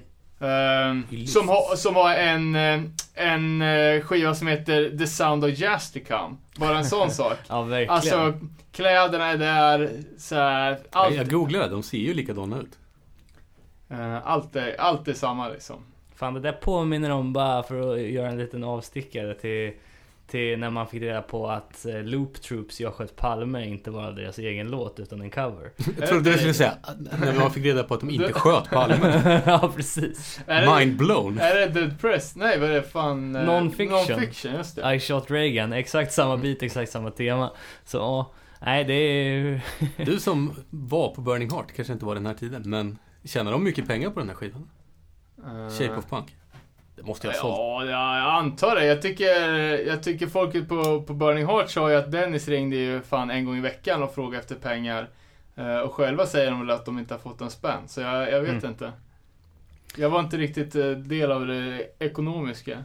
Men det, alltså den har ju sålt, sålt jävligt bra. Mm. Det, jag menar, eh, hur konstigt vi må, må tycka det vara, så säger liksom när, när folk i Slayer och Metallica listar den som bästa, typ topp tre bästa skivor någonsin. Så, Det kan jag inte heller förstå. Ah, ja, skitsamma. men det är också något sånt där, precis som vi var lite inne på när vi snackade om New Warning förra gången, att eh, om, eh, om man nu gör någonting som är ganska groundbreaking, så verkar det som att eh, man vill stöta bort det. Mm. För jag menar, eh, ja, Illblood var svinbra, då vill inte, då vill inte No Warning spela hardcore längre. Mm. Sen gör Refused, eh, ja men eh, enligt många stycken av världens bästa hardcore-platta, då direkt lägger de ner hardcore och så ska de bli konstnärer istället. Precis. Det kanske är en sån pass eh, stenhård kraftansträngning och, och kräma ur sig en sån där bra platta så, så man helt tappar motivationen att göra Ja, någonting det- efteråt. Så, Men jag- så jag- där man ska ta till sig och gör inte för bra skivor. Nej, precis. Spela in de där låtarna som ni repar ihop på två dagar. Jag förstår lite det som, som Mark sa också där att eh, att eh, liksom att hardcore och hela den här Umeå-grejen, att den var så extremt fixerad runt de här personerna och eh, att när det blir så allmängods, liksom att alla ska vara hardcore, att man blir lite att man blir lite avtänd. Mm. Undrar om, ja, då är det ju Svenne Bananen istället. Som är den killen. Ja, eller vadå? Ja men om alla är det, då är det ju, ja men det Ja, exakt. Ja, ja, precis. Du, du istället för att ha gjort din grej så är du nu kungen av Svennebanan-rörelsen. för att, ja. Men, men just eh, Shape of Punk Ja, jag lyssnar på disco. Oh, fan vad edgy.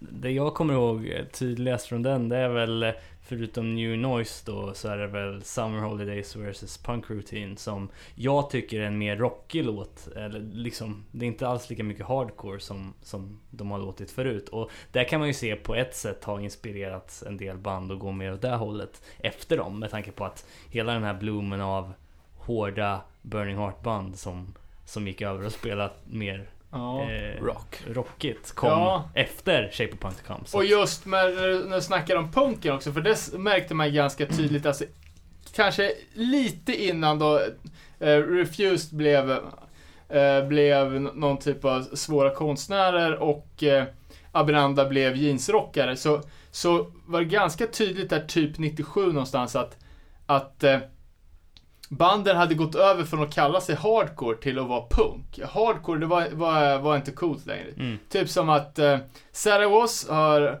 All Punk Cons skivan. Eh, Separation öppnar ju sin tia då med Punk Rock Attitude. Refused, Shape of Punk to Come. Mm. Final Exit, This is not a punk song. Eh, eller This is not a punk rock song. Så vet man inte om det, ja det är väl någon, någon eh, grej mot den här Barry Ja, Lydian-låten. precis. Och det är ju jävligt eh, likt också Abinandas låt. This is not a problem song. Det är, de återvinner varandras Ja, jag menar det. Det går...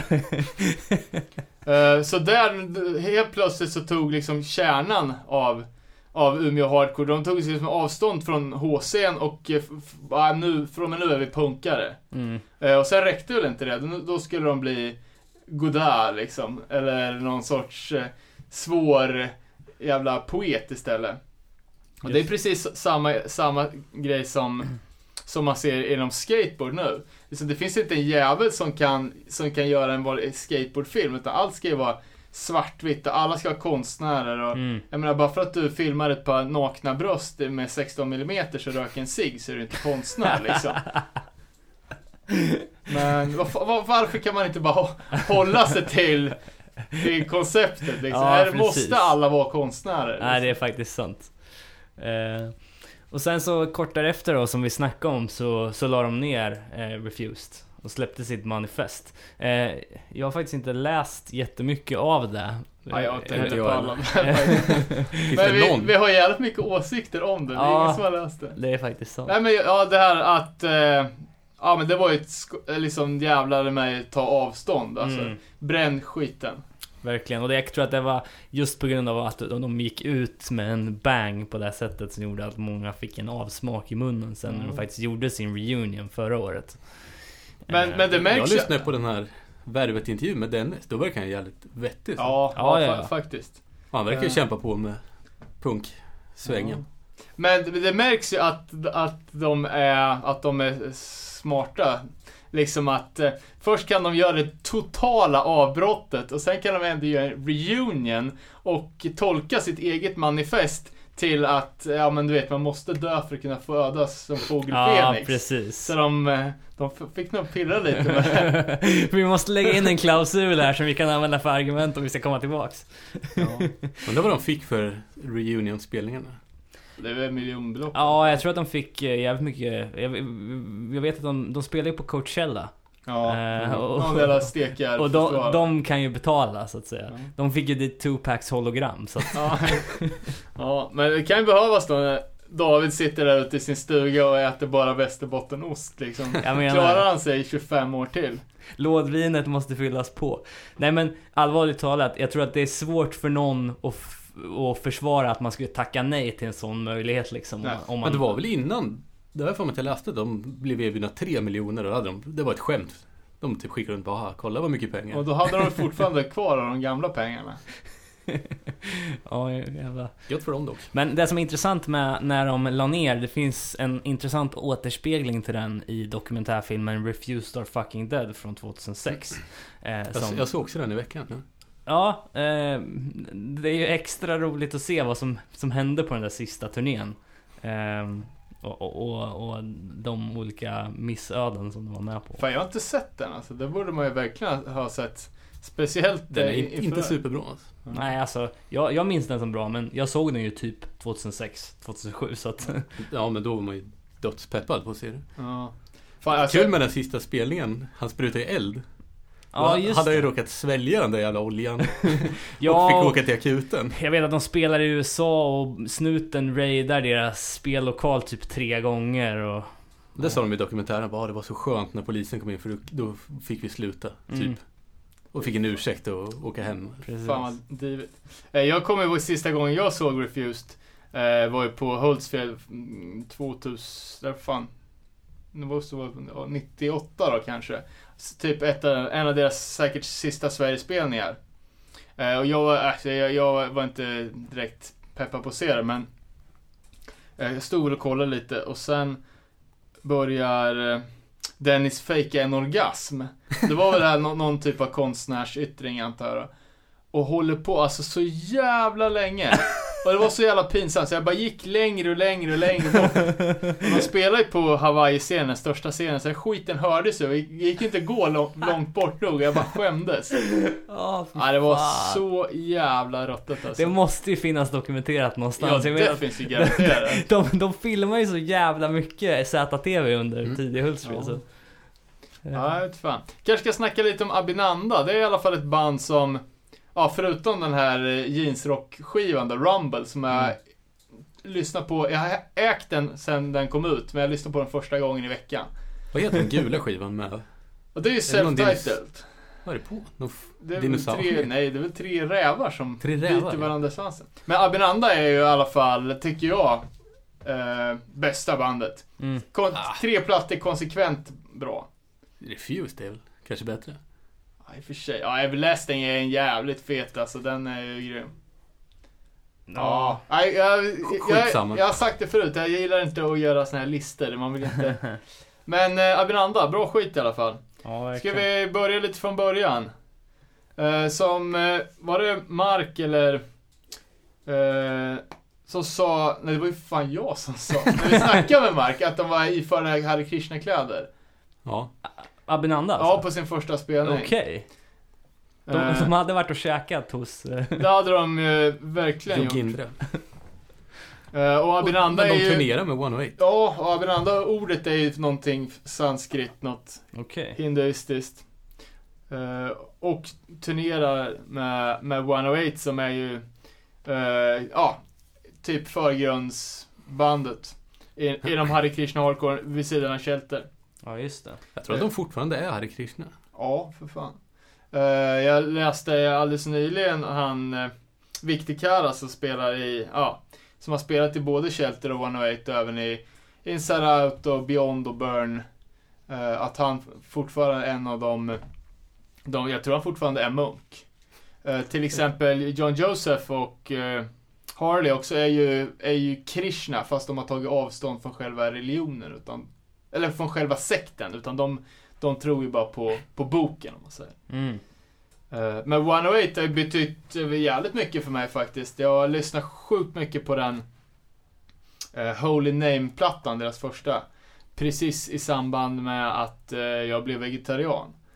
Eh, 96.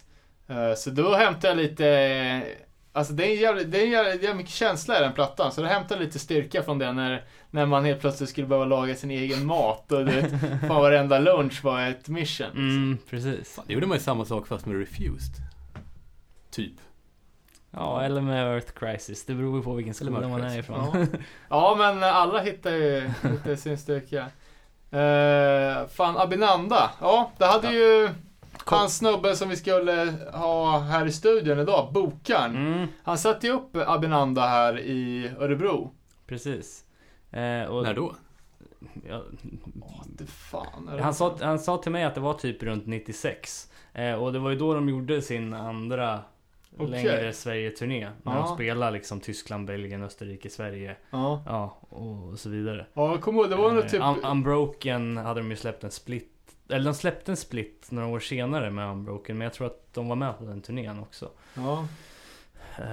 Så. Ja, jag fan, jag kommer ihåg det för det var första, första snön. Så det var ju någon gång på hösten. Man gick Mm. hem därifrån från den här spelningen så det började snöa. Så vart man allmänt bummed out. Ja, Men det var fet, eh, fet eh, spelning och den skivan är jävligt bra.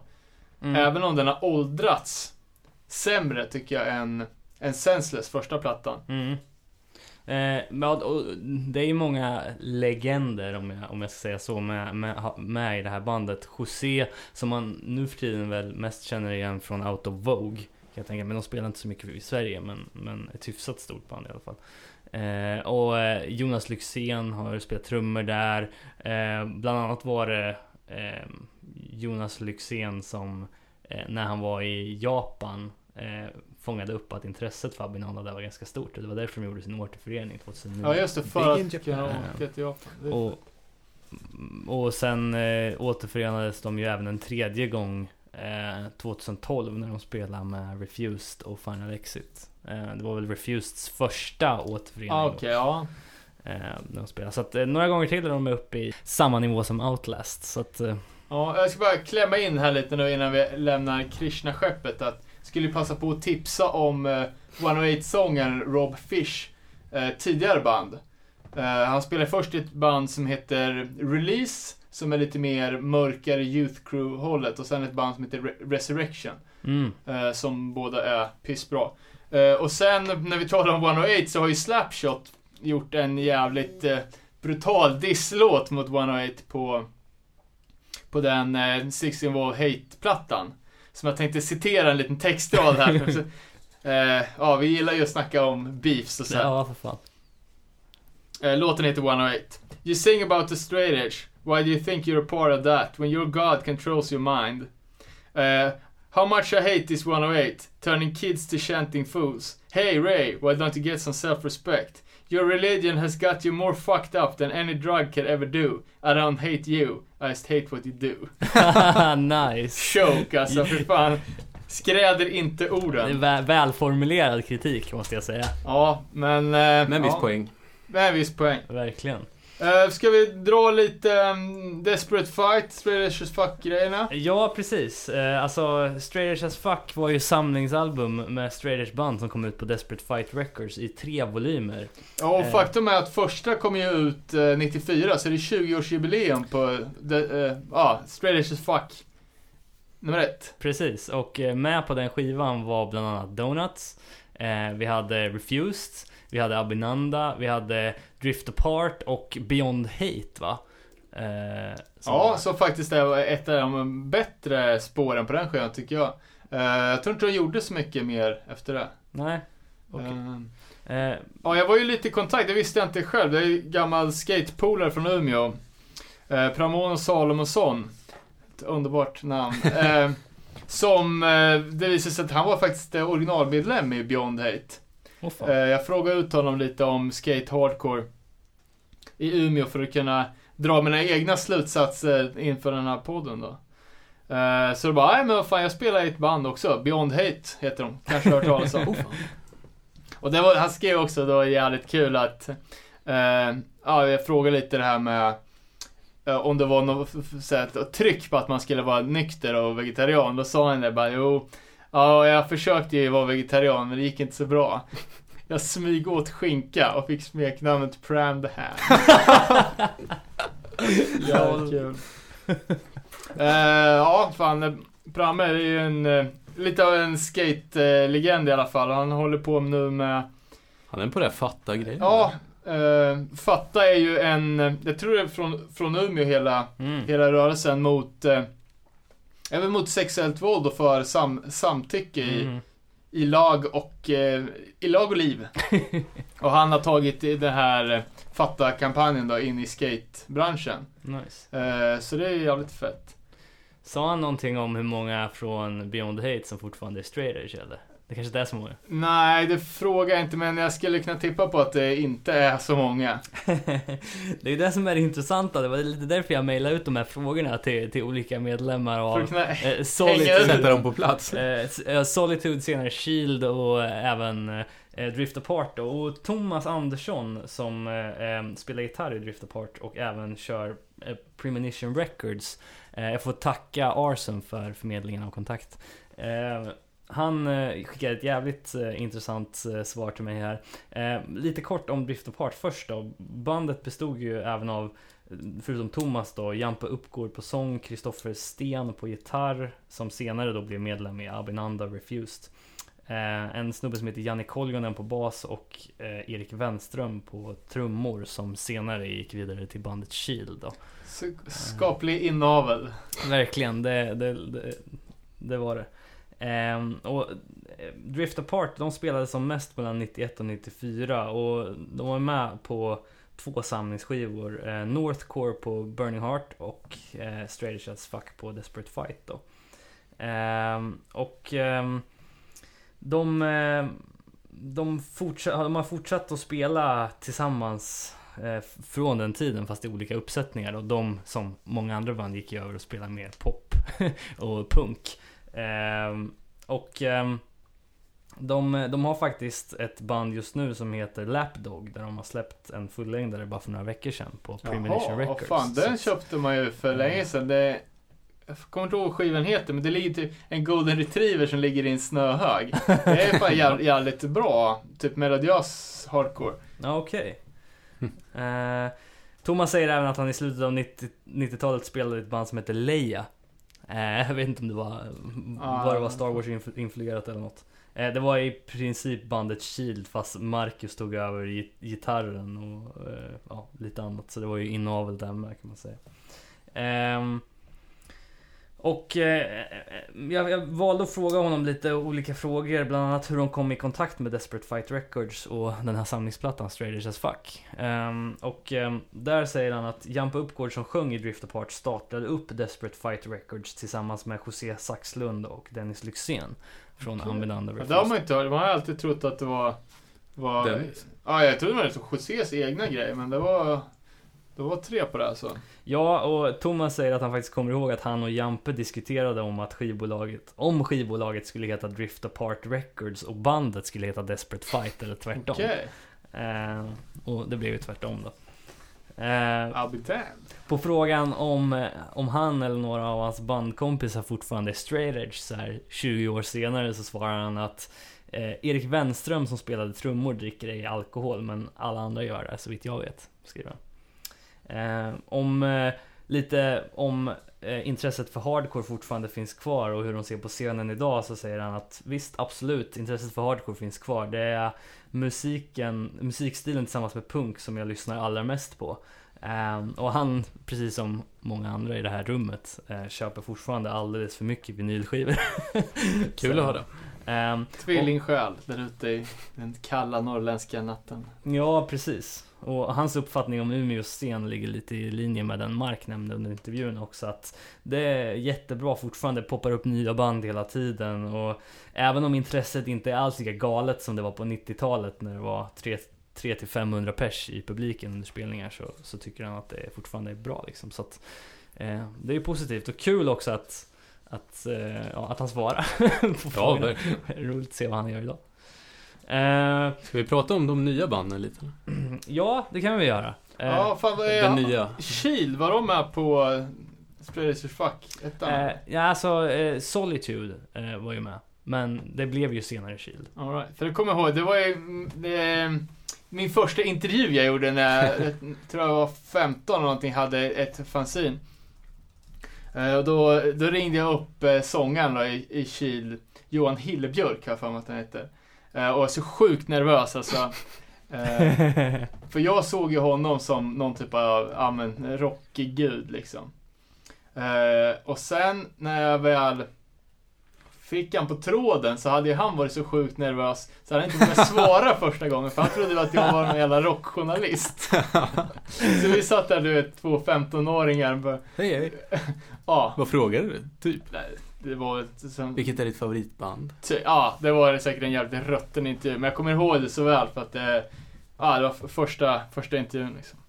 Det är det här som är så roligt med hela DIY-kulturen och sign- sign-kulturen. Att man, att man kan testa på sådana där grejer liksom. Ja, absolut. Det var ju, det var ju inga konstigheter att man, alltså, startade ett fanzine, det var ju liksom, det hörde ju till, det är klart man gör det. Så var det Precis. bara att köra. Eh, Men vad fan, nya band. Vi Ja. kan inte ha ett dubbelavsnitt den här gången också. nej, precis. Eh, vi, eh, vi snackar... Vi börjar med att säga att vi, vi, vi har typ inget att säga om Umeå. Så blir det ändå ett dubbelavsnitt. Eh, ja, nya band. För fan, äntligen händer det lite i Umeå efter, efter att det varit helt dött där uppe. Verkligen. När kom Lessra? Ja, jag hörde nog talas om dem först typ 2009, 2010. Jag vet att de gjorde något gig i Göteborg i samband med att de släppte The Green Rage. Eh, och jag vet bland annat att de var i Linköping och körde. Ehm, och då tror jag fan till och med Mark var med. eh, som stand-in på gitarr. Ja, för han är inte original där va? Nej, eh, det är han inte. Eh, men de har ju hållit på jävligt länge och de har ju ett, eh, alltså de, när de väl kom så hade de ett jävligt unikt sound till skillnad mot vad många andra band eh, Vad spelade. man förväntar sig att ett Ja band exakt, det skulle var ju inte, låta, absolut snarare- inte ett snarare. unikt sound, men det var ju unikt för att komma från, från Umeå. Det var ju det som var så Precis. jävla fräscht. Eh, och sen så har vi ju ett annat band som har stått ut på senare år är väl Kidnapped. Som jag minns att de, de spelar typ på, eh, var det förra Motala eller? Ja, de, de spelar på någon stor spelning i alla fall. Jag minns att jag blev jävligt imponerad av dem. ja, Eh. jag, jag, jag sa ju det, det var ju, Mark spelade i det bandet också, men jag var helt säker på att de kom från Sundsvall. Så jag bara, vad fan, jaha okej, du spelar med dem också? Mm, just det. Fan, jag har aldrig hört dem. Är det bra eller? Ja, det, jag minns det som jävligt bra men jag kan inte liksom De där Forever Young då? Är de från... Ja för fan! De har ju släppt, det är ju, år, det är ju århundradets fucking jävla demo alltså den som de kom med. Eh, ah, an, ah, det, det där var ju verkligen så här veganpeppen alltså i slutet av 2000-talet kan jag säga. Okej, jag, har inte, jag har inte hört det. Open them Inte jag all hade de en Men det är väl eh, Umeå och Trollhättan? eh, Connection, ja, Ja. precis. Eh, och de har ju också jävligt stilbildande merch eh, med deras exade hink och spade. Ja just det, Den snyggt. är, jo, jag tycker den är snygg den skivan. Alltså. Ja. Ja, det är många som Eh. rockar den fortfarande så bandet lever. Ja, det är kul. Vad vi skulle säga när vi snackade om, om Lessra var ju att du David sa, ja jag vill inte säga men jag tycker det, det, det låter lite bonnigt. Och, Ja, jag alltså, skulle det, inte säga det när vi spelar in. Nej, men så kom jag på bara, ja, alltså, Det gör ju det. ja men man får inte mindre bonniga vibbar av att Lessra baklänges är arsel. Nej, verkligen. Eh, Men alltså ja, det, det är jävligt alltså, otrendigt. Och det var ju det man gillar med det, att det inte var det här jävla hela tiden söka det, det, den nya hypen utan verkligen spela någonting som man kanske själv gillar. Ja, och det, och det sjuka är ju att Lessra har eh, funnits sedan 2002. De har ju släppt fyra demos innan de släppte The Green Rage. Ja, jag, jag snackade med dem eh, om det och då tror jag, då tror jag att de, det var mer trash, eh, nästan trash metal i ja, början. okej, Ja, att, precis. Att eh, Green Rage är Första hardcore. Ja, kanske inte första men att eh, ja, de har spelat men inte, inte samma, samma stuk Nej, nej, okej, hela okej. resan igenom. Nej, och sen så får man väl säga att det nya som Hold Ekta har släppt är jävligt... Eh, Den skivan Spännande. var fan jävligt bra. Ja, jag tycker också att den nya är svinbra. Alltså, jag har alltid tyckt eh, att Håll det äkta är jävligt pepp för att de gör snygga grejer, de är, det är bra, alltså bra, jävligt bra live. Mm. Verkar vara schyssta snubbar.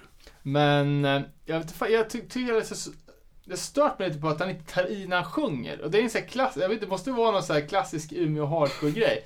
För om man lyssnar både eh, Dennis och José sjunger ju jävligt, alltså de, det är inte så jävla mycket skrik. Mm. Så det är kanske deras, eh, deras eh, kulturella arv helt enkelt, att man ska hålla tillbaka lite på sången. Men vad fan eh, gubbar, jag vet inte. Klockan börjar bli mycket. Ska vi ta, har vi något mer att säga eller ska vi fortsätta den här diskussionen i ett annat avsnitt? Eh, Ja, jag känner mig, Jag känner mig helt klar. ja, redo. nej men vad fan, då hoppas vi på ett... Eh, Bra ett- Umeå Hardcore-fest. Ja, precis. Som går av stapeln imorgon. Eh, Beroende på när du lyssnar. ja, exakt. Eh, och vi får hoppas att du kryar på det Danne. Och vi hörs väl igen om två veckor. Ja, om, får passa på att skicka ut ett tack till alla som har svarat på frågor. Precis har ju jobbat, alltså annars har vi bara suttit och, och snackat. Den här gången har vi fått pumpa folk på info för att inte fatta något själva. Så tack till de som har tagit sig tid. Precis, och känner ni någon eller eh, vet ni något spännande ämne som ni tycker att vi ska prata med någon om, hör av er och ge oss tips på vad ni vill höra. Eh, och som alltid så eh, ser vi gärna att fler tjejer hör av sig som, som har någonting och, eh, som de vill snacka om. Ja, fan, alltså de är ju jävligt svårflörtade. Så jag, det är fan, jag lägger hälften av min poddtid på att tjata på folk som inte vill vara med. Alltså. Men har vi sagt det så har vi sagt det. Nu, eh, vi jobbar vidare. Verkligen. Eh, ja men skitbra. Vi, vi kör eh, som avslutning här då lite musik från Eclipse, eh, från Mark. Tack och hej. Hej då.